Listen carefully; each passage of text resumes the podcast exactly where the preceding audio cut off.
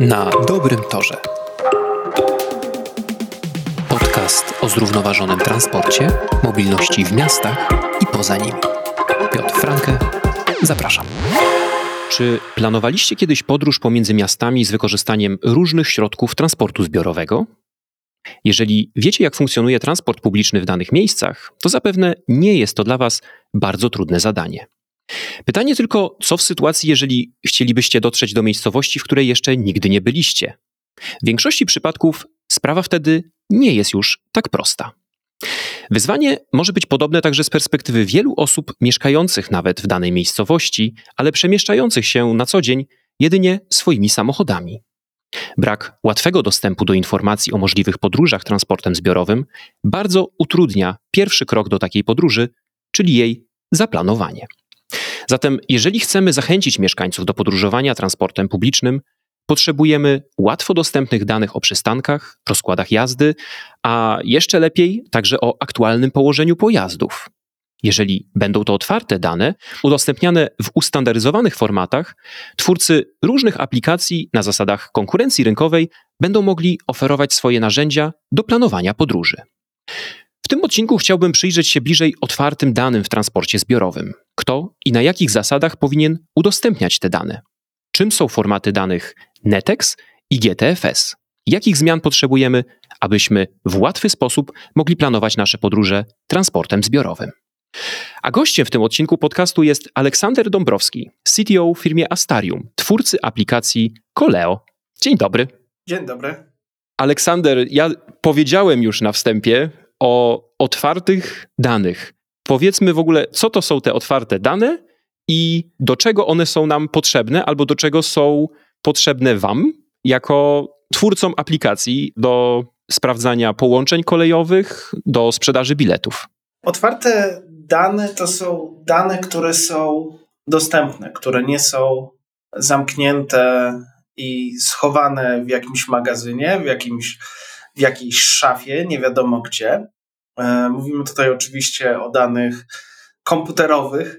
I one, owszem, nam w Koleo są potrzebne, ale one są potrzebne nam wszystkim, ponieważ dane to wiedza, wiedza to, to potęga, to moc.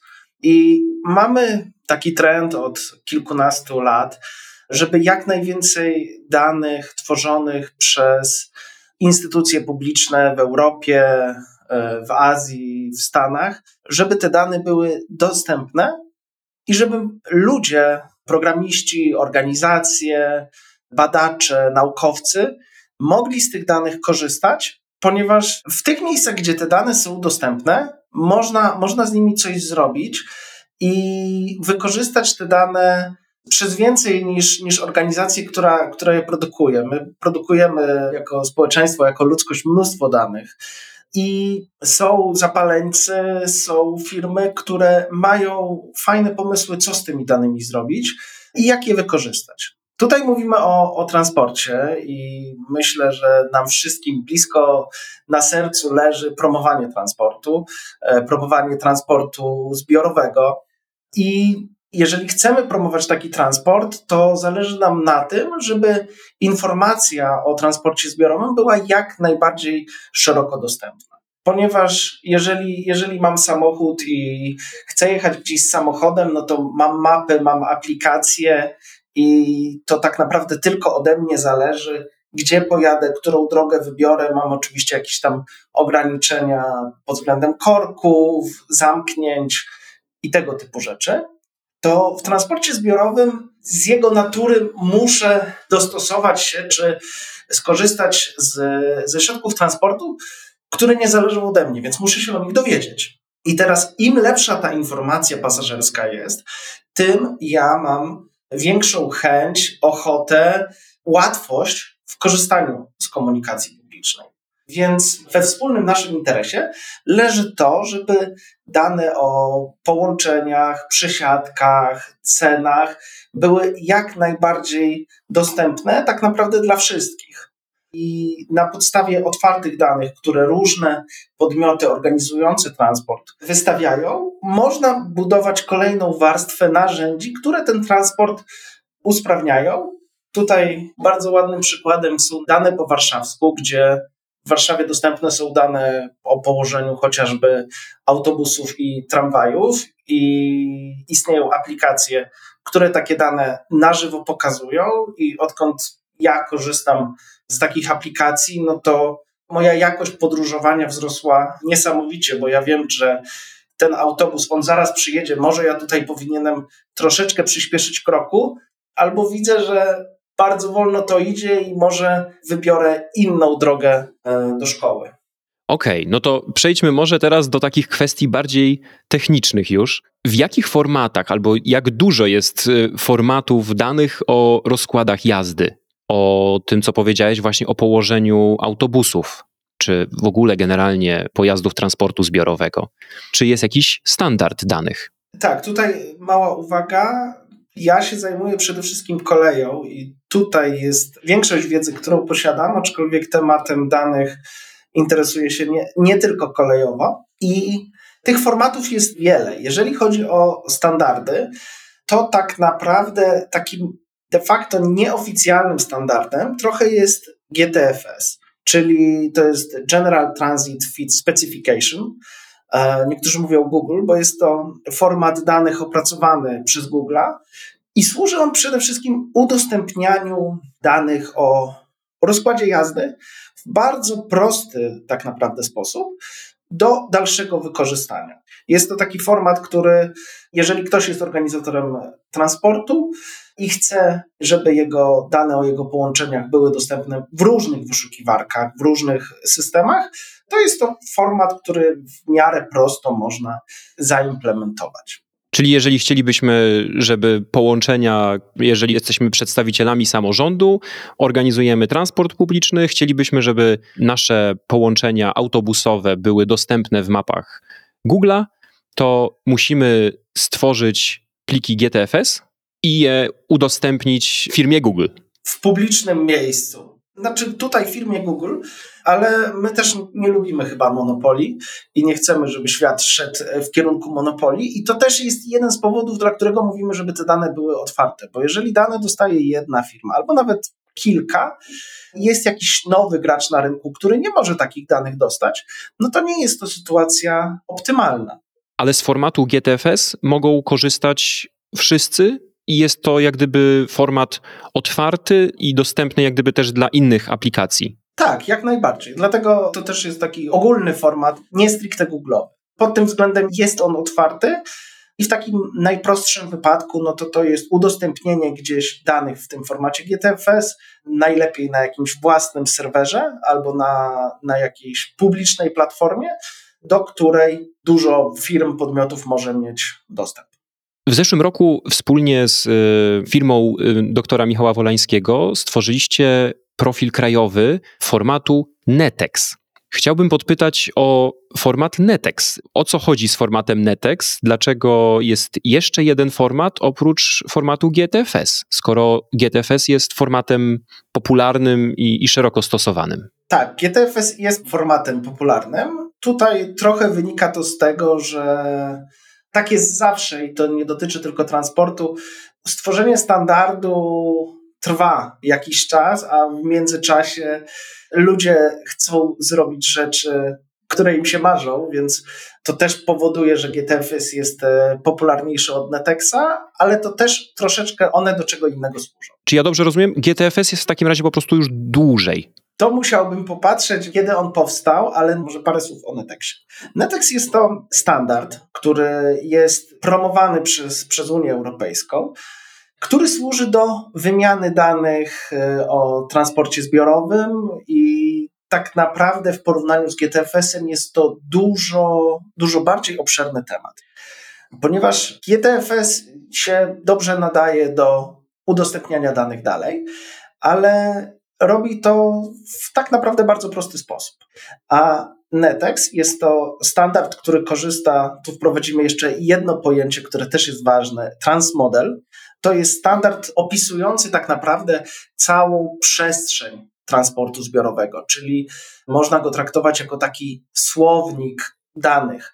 Służy to temu, żeby różne firmy, tu już bardziej technicznie tak naprawdę, e, które przygotowują narzędzia do obróbki danych transportowych, mogą korzystać z różnych określeń, różnych definicji na to samo. I tutaj wchodzi transmodel, który mówi, czym dokładnie jest kurs, czym dokładnie jest trasa, czym dokładnie jest krawędź peronowa i daje opis całej tak naprawdę rzeczywistości. Jest to bardzo szeroki standard, który opisuje tak naprawdę wszystko, co jest potrzebne do zdefiniowania rozkładu jazdy, nawet do zarządzania mm, taborem, do zarządzania drużynami, zespołami, pracownikami, którzy obsługują ten tabor. I transmodel to są w skrócie pojęcia.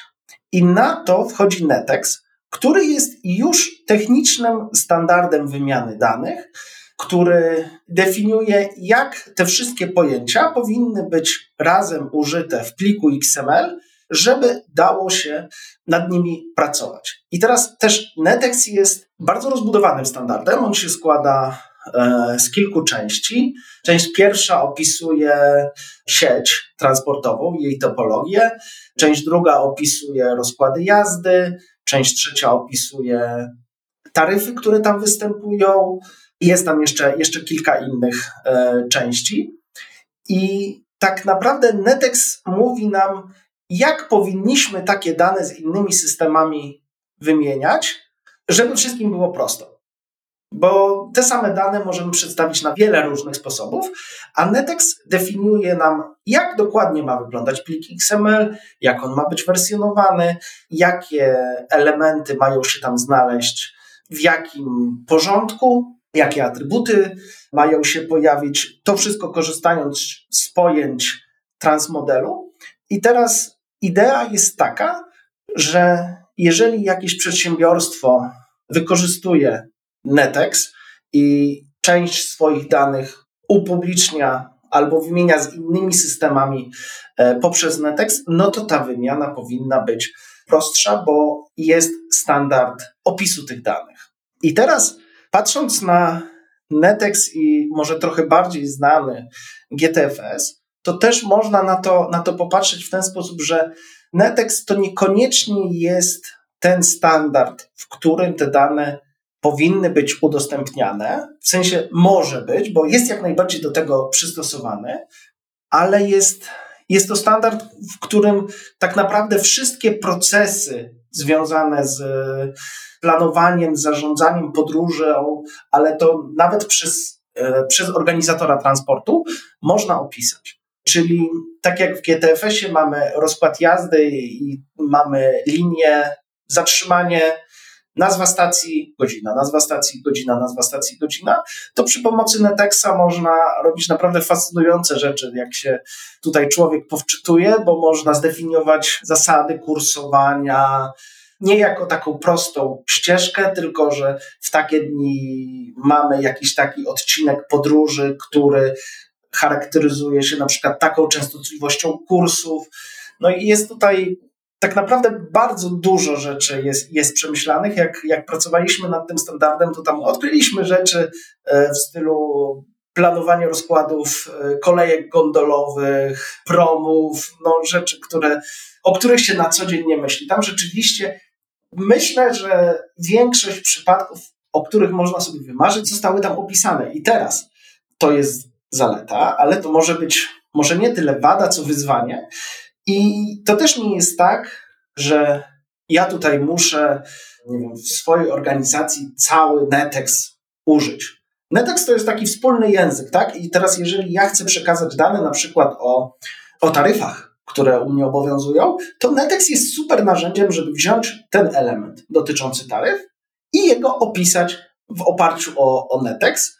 I teraz w idealnym świecie, jeżeli mamy dużo podmiotów, które korzystają z tego samego formatu danych, to integracja narzędzi, czy to, czy to rozkładów jazdy, czy, czy czegokolwiek innego, ze znanym formatem danych jest zawsze tańsza, prostsza niż czymś, co ktoś sobie wymyślił w najlepszej wierze, w jakiej mógł, ale jest to za każdym razem coś innego, tak?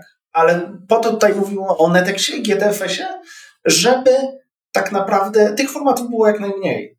No bo teraz z perspektywy na przykład Koleo, e, my się integrujemy z kilkunastoma przewoźnikami. Mamy kilka różnych formatów, w jakich otrzymujemy dane.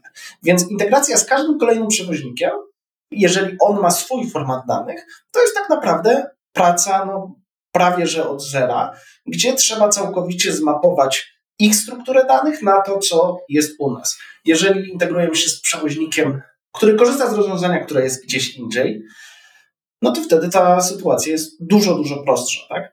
Więc e, istnienie standardów takim firmom jak, jak nasza, no to po prostu ułatwia życie, tak? Tutaj, jeżeli chodzi o eksport, to jest bardzo ważna rzecz, że z Netexa można wygenerować GTFS. Generalnie zasób danych, który jest w formacie Netex jest tak duży, że można go przekonwertować w GTFS, w drugą stronę nie zawsze, bo w GTFS-ie tych informacji jest po prostu mało, to jest takie, ja bym to powiedział, takie niezbędne naprawdę minimum, żeby gdzieś móc taki rozkład wyświetlić. Jak wygląda kwestia informacji o położeniu pojazdów w obu formatach? One umożliwiają zamieszczenie tej informacji o, o położeniu pojazdów takim na żywo? Do położenia pojazdów wykorzystywany jest GTFS Real Time, gdzie jest taka informacja na żywo. Jest też Siri, nie ten Apple'owski, tylko to jest Service Interface for Real Time Information. Nie wiem, czy jest to technicznie standard, ale, ale jest to też format wymiany danych. W Netexie bodajże w części czwartej coś takiego jest, ale też tutaj dwa kroki do tyłu, jak mówimy o danych na żywo, to brzmi wszystko bardzo fajnie i, i tak jak też z różnymi ludźmi rozmawiam, to, to to jest to, co wszystkich bardzo interesuje ale myślę, że cały czas jest bardzo dużo pracy do wykonania, tak naprawdę te dwa kroki wstecz, czyli żeby ta informacja nawet nie na żywo, ale po prostu była. O podstawowym rozkładzie jazdy. Podstawowy rozkład jazdy. To tutaj sytuacja, ona się poprawia i jest, jest lepiej niż 10 lat temu, ale to wciąż mam wrażenie, że gdzie nie gdzie jest taka marginalizowana e, rzecz. Organizator transportu powinien zapewnić dane o, o swoich kursach. W sensie to, to, leży w jego interesie, żeby tam się pojawili podróżni. Ale teraz, jeżeli mówimy o danych w czasie rzeczywistym, no to te dane w tym momencie muszą być bardzo wiarygodne. Bo jeżeli mamy tylko jakieś przybliżone dane rzeczywiste, albo raz one są, raz ich nie ma, no to poziom zaufania już użytkowników, zwykłych ludzi, którzy na końcu w zimę w minus 10 stopniach czekają na ten swój pojazd. Który rzekomo jest punktualnie. Który rzekomo jest punktualnie, albo jest informacja, że on przyjdzie za 3 minuty, a tak naprawdę to kurs jest odwołany. No, to jeżeli człowiek wie, że ma informację real time, to on jej wymaga. To nie jest tak, że a, no to my tutaj wrzucimy sobie nadajniki GPS, one w połowie przypadków działają, w połowie przypadków nie działają. No to to nie jest informacja real time. To jest no prawie, że może nie wprowadzanie w błąd, ale, ale jest to bardzo problematyczne dla tych ludzi dla których to wszystko jest na końcu, tak? No dobra, to do tego tematu położenia pojazdów jeszcze może za chwilę wrócimy, ale jak wyglądają w takim razie Wasze doświadczenia we współpracy z różnymi podmiotami? Bo w zasadzie zarządca infrastruktury PKP PLK, jeśli mówimy o kolei, jest odpowiedzialny za stworzenie rozkładu jazdy, ale jednocześnie na sieci kolejowej operują poszczególni operatorzy i przewoźnicy kolejowi. I to byłby temat, jak gdyby wasz i koleo, Chciałbym jego trochę rozszerzyć jeszcze o poszczególnych organizatorów transportu publicznego w różnych miastach. Mamy prywatnych przewoźników w zasadzie, którzy no, też jeżdżą i też w jakiś sposób tam funkcjonują. Może zacznijmy w ogóle od tych waszych doświadczeń. Jak to z waszej perspektywy w tej chwili wygląda?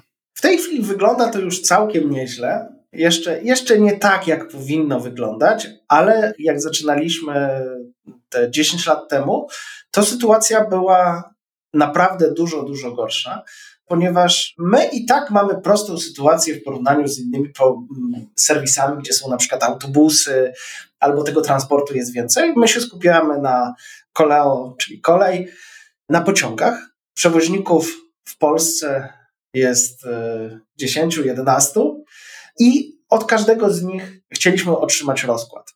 I tak naprawdę zajęło nam wiele miesięcy, żeby mieć komplet danych o rozkładzie jazdy. Bo tak na pierwszy rzut oka, no to rzeczywiście powinien być jeden jakiś podmiot, od którego w prosty sposób można takie dane otrzymać, ale tak niestety jeszcze nie jest. I my tak naprawdę rozkład jazdy otrzymujemy od każdego przewoźnika osobno. I to też na samym początku była pewna trudność, żeby taki rozkład uzyskać. Ja do dziś pamiętam, jak jeden z przewoźników się naprawdę długo wstrzymywał przed udostępnieniem nam rozkładu, tłumacząc, że rozkład jazdy jest tajemnicą przedsiębiorstwa. Ja, ja nie wiem, czy ja tutaj mam to, mam to tłumaczyć, jaka byłaby analogia, nie wiem, gdyby asortyment w sklepie był tajemnicą przedsiębiorstwa, bo my naprawdę ostro się drapaliśmy w głowę. Co to znaczy i dlaczego jakaś firma nie chce, żeby miała więcej pasażerów, więcej klientów. No. To było zaskakujące. Udało się to przezwyciężyć. I w tej chwili my pobieramy dane o rozkładach w pięciu różnych formatach. My je oczywiście tam sprowadzamy do wspólnego mianownika po naszej stronie, ale rzeczywiście tych formatów jest pięć. Rozumiem, że Netex to jest jeszcze pieśń przyszłości. Pieśń przyszłości, tak. Dostajecie GTFS-y jakieś, czy to jest jeszcze coś innego? Dostajemy jeden GTFS, z tego co pamiętam. Tak naprawdę można, można założyć, że jeżeli chodzi o przewoźników kolejowych, no to powiedzmy są na rynku ze, ze cztery różne rozwiązania i one się różnią, ale teraz clue całego tematu, my te rozkłady dostajemy od przewoźników. To też nie są, nie są rozkłady, które oni stworzyli. Które oni mhm. stworzyli, tak. Siecią zarządza zarządca infrastruktury, który rzeczywiście ma pełną informację o tym, jakie pociągi kiedy będą jeździć. Tylko ta informacja jest e, przede wszystkim taka bardzo techniczna, bardzo operacyjna, czyli e, zarządca wie, jaką masę będzie miał ten pociąg, jaką ma drogę hamowania, tego typu rzeczy, ale już jaką on ma nazwę handlową, to w takim standardowym systemie do budowania rozkładu jazdy, e, jaka tam jest kategoria, to może nie jest już tak istotne. A to jest to, co interesuje człowieka. I teraz w idealnym świecie, w momencie, kiedy mamy w Polsce, pomijając jakieś małe wyjątki e, w stylu warszawskiej kolei dojazdowej, która ma własną sieć może nie rozgałęzioną, ale jest to jednak własna infrastruktura kolejowa, e, to cała infrastruktura jest w zarządzie Narodowego Zarządcy Infrastruktury. I tak naprawdę jest jeden podmiot, który ma te wszystkie informacje i które wydaje się naturalne, żeby te informacje udostępniał. No, ale niestety tak to nie wygląda. To nawet prawdopodobnie wynika z tego, że że nie ma takich narzędzi przygotowanych do udostępniania swoich informacji o rozkładzie. Czyli brakuje narzędzia po prostu informatycznego, które umożliwiałoby z istniejących i tych narzędzi, z których w tej chwili korzysta PKP PLK, wyeksportowanie do właśnie jakiegoś takiego otwartego formatu. Do jakiegoś takiego otwartego tematu. Znaczy, może takie narzędzie jest. My też w tej chwili nie pozyskujemy bezpośrednio od nich danych, a jest to rzeczywiście szkoda, bo różne rzeczy dzieją się na liniach. Są zamknięcia, są remonty i rozkład jazdy jest teoretycznie, on jest rekonstruowany raz w roku i właśnie e, niedawno, 10 grudnia, mieliśmy wielką roczną korektę rozkładu jazdy. Przy czym tych zmian jest o wiele więcej. Tych zmian jest niestety o wiele więcej. Ten 10 grudnia to jest data, kiedy ten rozkład zmienia się w całej Europie żeby synchronizować ze sobą wszystkie pociągi, wszystkich przewoźników. I do tego mogą występować korekty. One kiedyś występowały po to, no bo trochę inne pociągi są potrzebne latem, zwłaszcza pasażersko, trochę inne są potrzebne zimą, ale w tej chwili tych korekt jest około chyba sześciu. Tak naprawdę co dwa miesiące ten rozkład się zmienia. To jest, myślę, że to jest temat na inny odcinek pod tytułem przewidywalność transportu. I stabilność rozkładów jazdy. Stabilność rozkładów jazdy, tak, a nie ludzie się boją, czy mi pociąg zabiorą albo przesuną na, na gorszą godzinę. I wyzwanie dla organizatorów potem komunikacji autobusowej, skoordynowania tego. Tak, to też jest wyzwanie dla nas, bo skoro rozkład się zmienia, no to my tak naprawdę w tej chwili e, w Koleo pobieramy rozkład codziennie od każdego przewoźnika. I on się rzeczywiście tak średnio, to też zależy od, od przewoźników, ale tak naprawdę co trzy dni on się średnio zmienia. I tu mówimy o rozkładzie na najbliższe 30 dni, nie mówimy gdzieś tam o wakacjach. I teraz, okej, okay, Dobrze, on się zmienia, trzeba z tym żyć. I to w różnych formatach jeszcze. Macie narzędzie, które transformuje automatycznie do jednego waszego formatu, z którego korzystacie? Tak, transformatuje do, to do naszego formatu. To nie jest Netex. I teraz widzimy, że szkoda, bo rzeczywiście czasami się zastanawiamy, kurczę, a tutaj jakbyśmy usprawnili jakąś część i jak to nazwać? No, jest teraz model, otwieramy książeczkę, teraz już wiemy, jak to nazywać. My niektóre rzeczy mamy zrobione inaczej. No, też jak zaczynaliśmy, to w ogóle tego standardu nie było. Ale gdybyśmy go stosowali, to pewnie parę rzeczy byłoby prościej u nas zrobić. I, i myślę, że, że jakieś kolejne zmiany to będziemy szli e, w tym kierunku. Ale teraz mamy korektę rozkładu jazdy i na przykład problematyczna u nas jest informacja o peronach. Jak masz przesiadkę, zwłaszcza jeżeli ta przesiadka ma gdzieś tam mało minut, jeszcze nie daj Boże jest na Poznaniu Głównym, no to rzeczywiście informacja, no widzę, że się uśmiechasz, czyli Poznań znasz, informacja o tym, gdzie iść, od razu taka na żywo jest mega cenna. Bezcenna. Bezcenna, dokładnie to jest. Albo zdążysz, albo nie zdążysz. Albo zdążysz, albo nie zdążysz ale te perony się zmieniają i teraz one się po pierwsze zmieniają w ramach. Teraz mamy grudzień, więc, więc rozkład, który został przy, przygotowany, on jest w miarę świeży, tam jest mało poprawek. Więc informacja peronowa jest w miarę pewna. Ale im dalej w rok dochodzą kolejne zmiany i one powodują, że nie we wszystkich systemach już przewoźników one się propagują. Czyli może nawet Ktoś wie, gdzie ten pociąg przyjedzie, ale na którymś etapie przetwarzania tych danych ta informacja znika albo jest wzięta stara. No i wtedy masz informację, że to jest peron drugi, a tak naprawdę to jest czwarty. Plus do tego jeszcze dochodzi real time, gdzie rzeczywiście coś się dzieje, wyjątkowo wjedzie na inny tor, no i taka informacja w czasie rzeczywistym o peronach i torach, no to to też byłoby bezcenne, podobnie jak opóźnienia.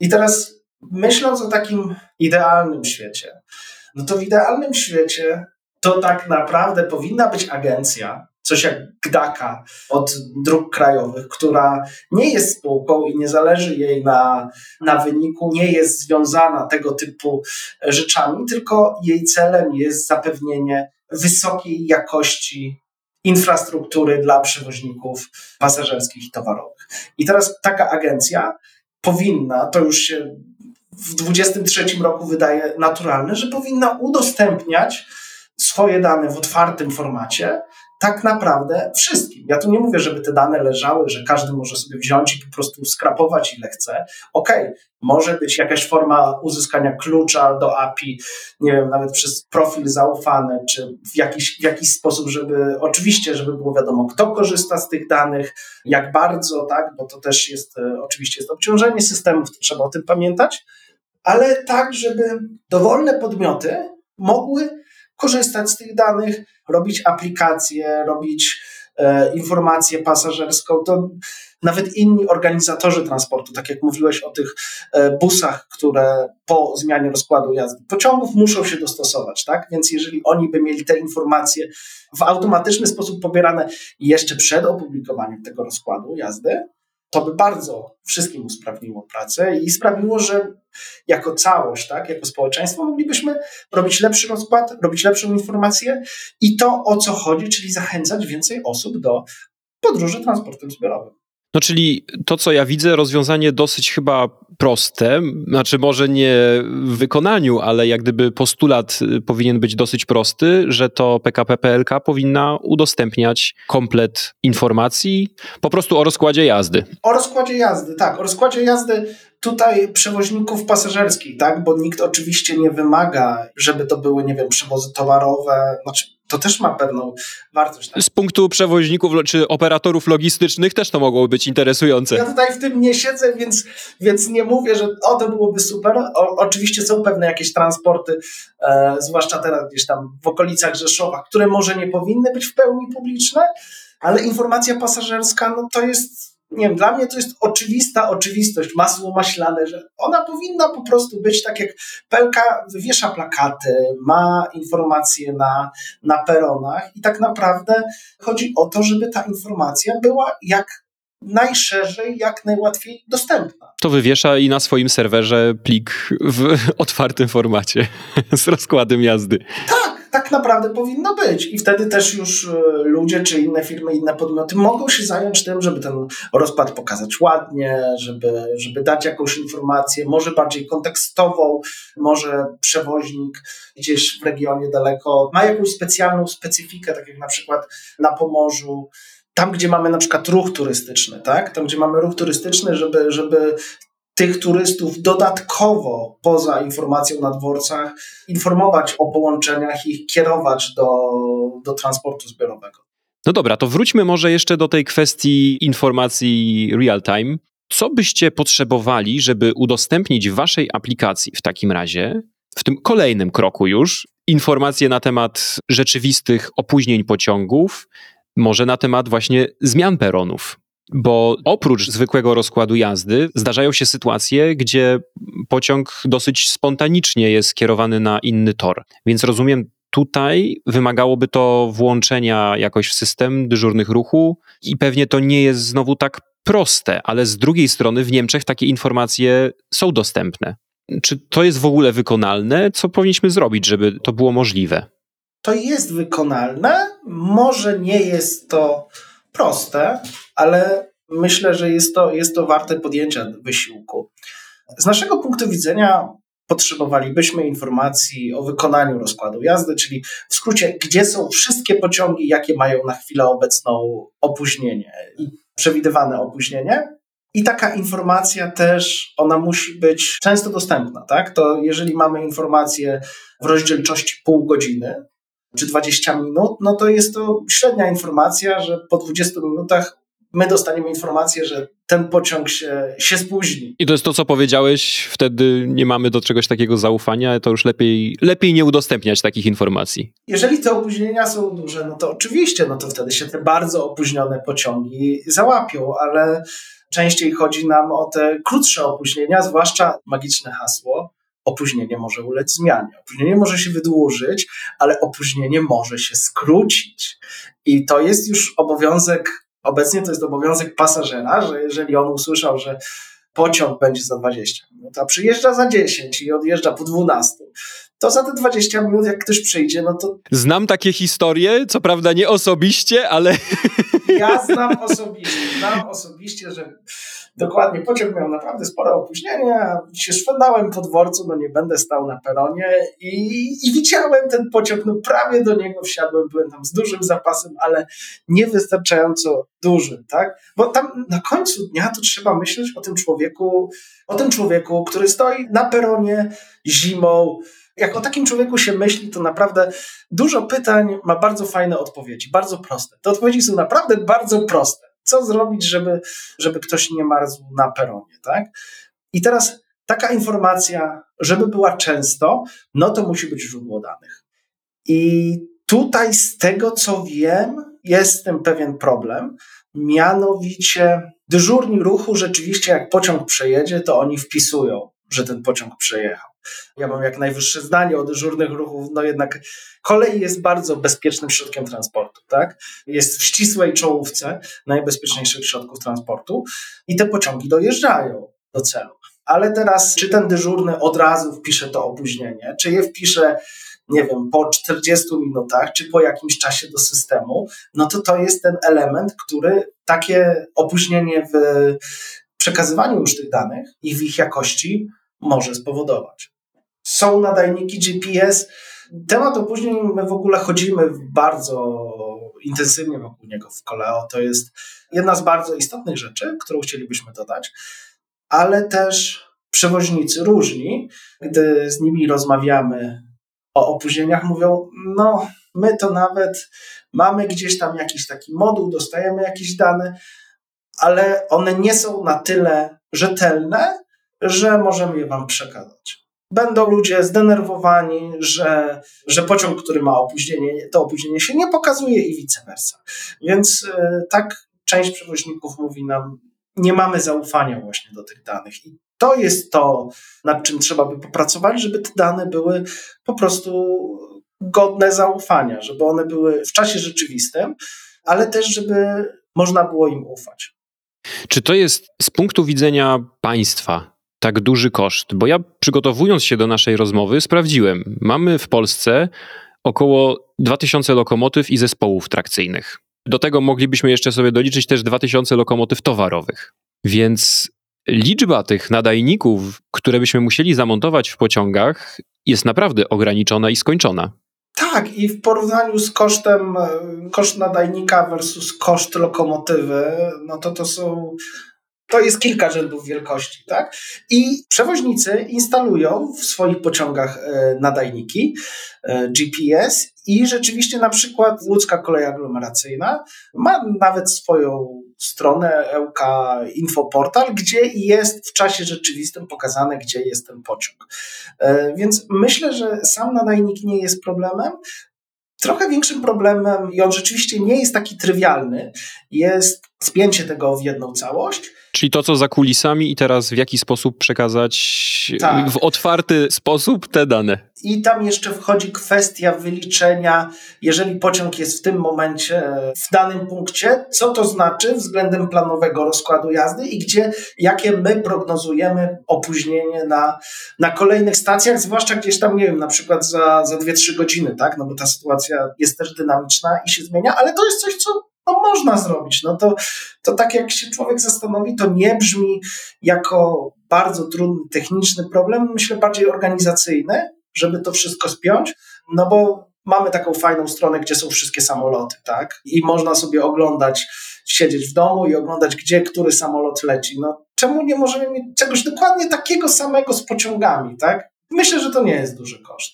To jest chyba bardziej kwestia woli, no i organizacji i żeby to ok, zainstalujemy te GPS-y, ale no, one muszą być serwisowane, one muszą przekazywać dane. Tutaj rzeczywiście jest problem, no bo pociągi jeżdżą po całej Polsce. Znaczy, my byśmy chcieli, żeby jeździły w jeszcze więcej miejsc niż, niż jeżdżą obecnie, ale jeżdżą czasami też w miejscach, gdzie tego zasięgu po prostu nie ma, albo jest bardzo słaby gdzieś w lesie czy w przysłowiowym polu. Tylko to z punktu widzenia GPS-u ma znaczenie?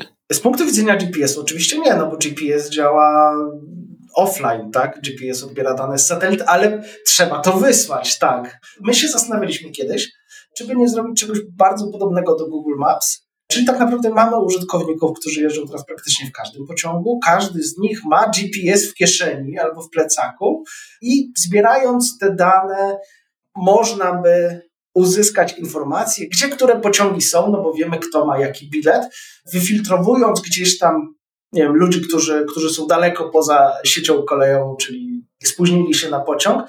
Takie informacje nawet można by uzyskiwać, ale tutaj jest parę problemów. To drenuje baterię użytkownika, takie wysyłanie danych, plus nie chcemy śledzić użytkowników, tak? Nawet jeżeli to byłoby w pełni zanonimizowane, no to to nie jest coś, co w ogóle myślę powinniśmy robić bardziej już tak, przyczepić nadajnik do każdej lokomotywy. To się wydaje dużo prostszym rozwiązaniem. Pozostaje tylko kwestia rzeczywiście tych peronów, bo pewnie nadajnik GPS to nie jest jednak taka dokładność i, i mówimy o prognozie, prawda? Znaczy na który tor on wiedzie. No, prognoza, na który tor on wiedzie, no to też nie jest taka wiedza tajemna, bo to nie jest tak, że tak się zwrotnica ułożyła i akurat tutaj rzuciło ten pociąg. Jednak ktoś gdzieś tę zwrotnicę przestawia i te pociągi są zarządzane, one jeżdżą, one się nie zderzają, tak? Więc, więc takie informacje są. To jest bardziej kwestia zbudowania wokół tego wszystkiego systemu, który by te wszystkie informacje GPS-y, e, planowany rozkład jazdy, istniejący rozkład jazdy integrował w jedno i wystawiał to w jakimś przyjaznym standardzie. Standardy są, więc tu nie trzeba wymyślać koła i udostępniał zainteresowanym podmiotom, tak? Bo to też nie chodzi, ok, fajnie, jeżeli w koleo będą opóźnienia, ale dlaczego to ma być informacja nawet tylko, nie wiem, dla kilku firm, tak? To powinno być otwarte. To mimo, że może, może nawet to nie leży w naszym interesie, ale no w filozofii jak najbardziej. No. Chcemy, żeby dane były otwarte, żeby one żyły, bo my mamy jakieś pomysły, co zrobić z danymi, ale są, są ludzie, którzy mogą naprawdę, nie wiem, wizualizację robić. Do nas się zgłaszały też firmy badawcze, które po prostu chciały analizować, jak rozkład się zmieniał na przestrzeni lat. Więc jest mnóstwo podmiotów, które takie dane mogłyby wykorzystać. No dobra, to porozmawiajmy może o przyszłości i o tym trochę idealnym świecie, może do którego byśmy chcieli dążyć. Bo w ramach opracowywania krajowego profilu standardu NETEX nakreśliliście taką mapę drogową wdrożenia tego standardu z uwzględnieniem uwag, które zostały zgłoszone w ramach konsultacji, które jak gdyby przeprowadzaliście opracowując ten krajowy profil standardu NETEX. Jak wygląda ta mapa drogowa? Jakie mamy, mm, czy powinniśmy mieć kroki kolejne, żebyśmy wdrożyli standard NETEX w Polsce? Jest taka mapa drogowa, ona, ona nie jest w żaden sposób z tego, co mi wiadomo, legislacyjnie ogarnięta czy wymuszona, bo standardy mają to do siebie, że żeby były takimi prawdziwymi standardami, to muszą być wykorzystywane. I muszą być wykorzystywane szeroko, i wtedy, wtedy coś e, staje się standardem. Są do tego dwie drogi: albo coś jest po prostu popularne, albo coś jest wymuszone, zazwyczaj prawnie. Więc żeby Netex mógł stać się takim de facto e, standardem, no to musiałby powstać obowiązek dla zarządców infrastruktury do opisu swojej sieci, do udostępnienia informacji o, o swojej sieci w takim formacie, który wynika z tego standardu. Ale to nie jest tylko piłeczka po stronie zarządców infrastruktury, ale też myślę naszego państwa, które powinno przygotować walidator standardu NETEX, czyli takie publiczne, całkowicie darmowe narzędzie, które pozwalałoby sprawdzić, czy to, co różne firmy tworzą, rzeczywiście jest tym NETEXem, może być czytane i, i ma odpowiedni format. Idealnie, gdyby powstało jakieś otwarte narzędzie do tworzenia takich rozkładów jazdy, do wytwarzania plików NETEX, coś, co taka firma, która chciałaby przygotować już konkretne narzędzie czy wdrożenie dla, dla jakiegoś, nie wiem, operatora autobusów, mogłaby wziąć, opakować, dostosować tutaj, dodać jakieś swoje rzeczy i dostarczyć tej firmie autobusowej. No i w tej mapie drogowej też jest coś, o czym chyba dużo osób myśli i dużo osób marzy, może o jakimś takim centralnym, to się trochę może źle kojarzy, ale takim centralnym systemie do obsługi informacji o transporcie publicznym. No bo transport publiczny to są naczynia połączone, tak? Żeby rzeczywiście sprawnie poruszać się po całym kraju, no to trzeba móc korzystać z autobusów, trzeba móc korzystać z pociągów, z autobusów międzymiastowych e, i wtedy jest to jeden wielki system.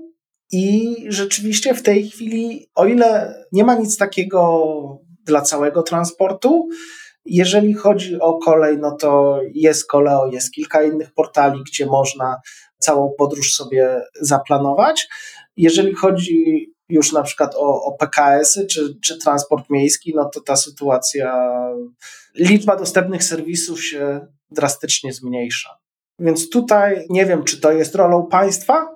Może, może rzeczywiście przygotowanie takich trochę narzędzi i trochę takiego systemu, gdzie byłyby wszystkie rozkłady, na pewno informacji o bazie wszystkich rozkładów.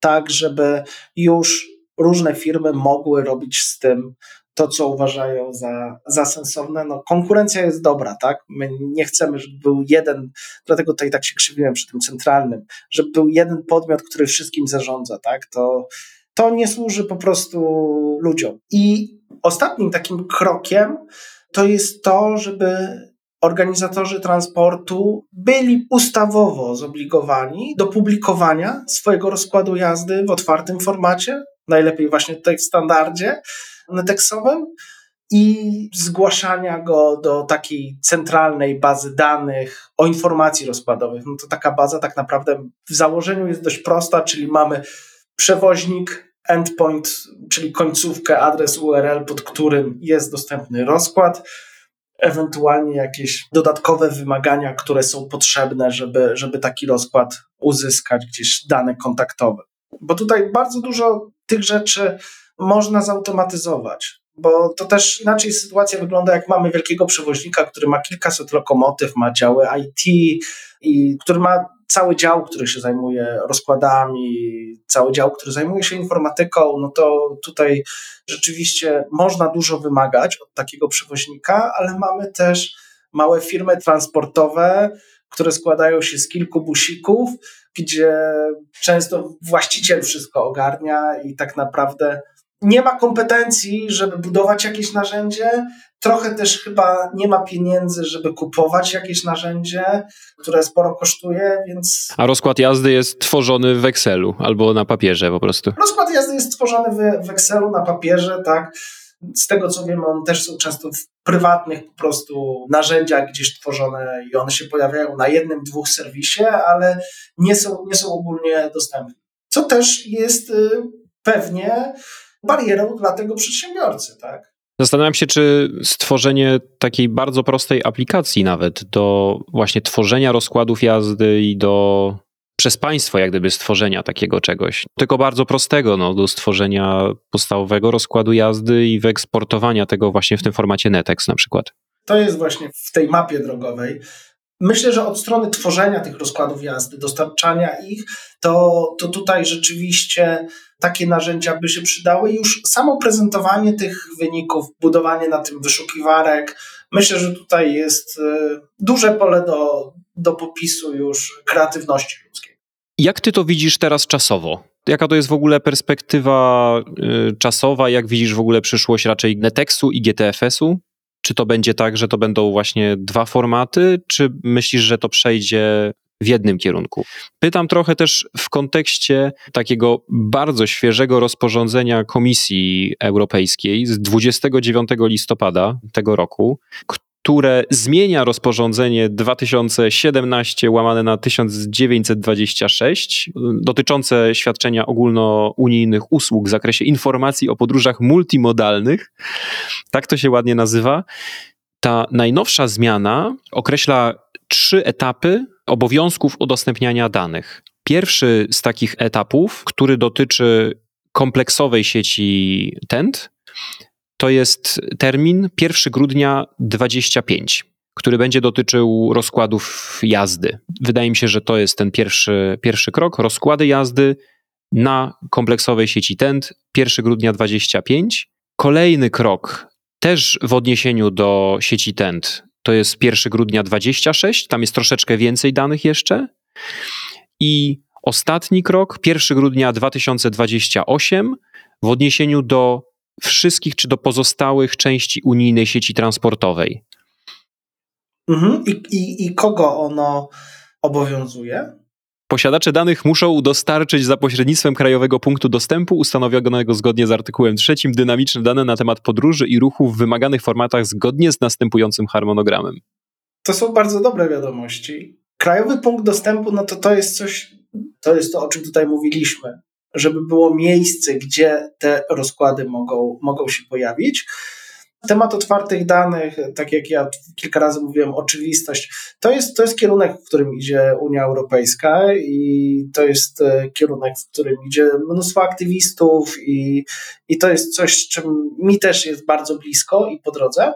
Dane chcą być wolne to ja mam nadzieję, że to nie będzie gdzieś jesień 25 i nagle w trzy miesiące my te wymagania będziemy po prostu spełniać jakkolwiek, bo to nie o to chodzi, tak? To w założeniu rzeczywiście są wszystko bardzo fajne, bardzo słuszne rzeczy, żeby informacja o, o rozkładzie, potem o taryfach, e, informacja real-time była jak najszerzej, jak najłatwiej dostępna. To się, to się wszystko do tego sprowadza. E, z mojego punktu widzenia, czy to będzie GTFS, czy Netex, to troszkę są technikalia. Mimo, że, że tutaj e, tak, serce też w stronę Netexu gdzieś się, e, gdzieś się kieruje, ale w wielu przypadkach ten GTFS wystarczy, tak? Pytałeś wcześniej, ile będzie standardów. Ja myślę, że tutaj raczej nie zniknie żaden z nich. Często jest tak, że jeżeli jest rozwiązanie, które działa, no to się go nie rusza. No.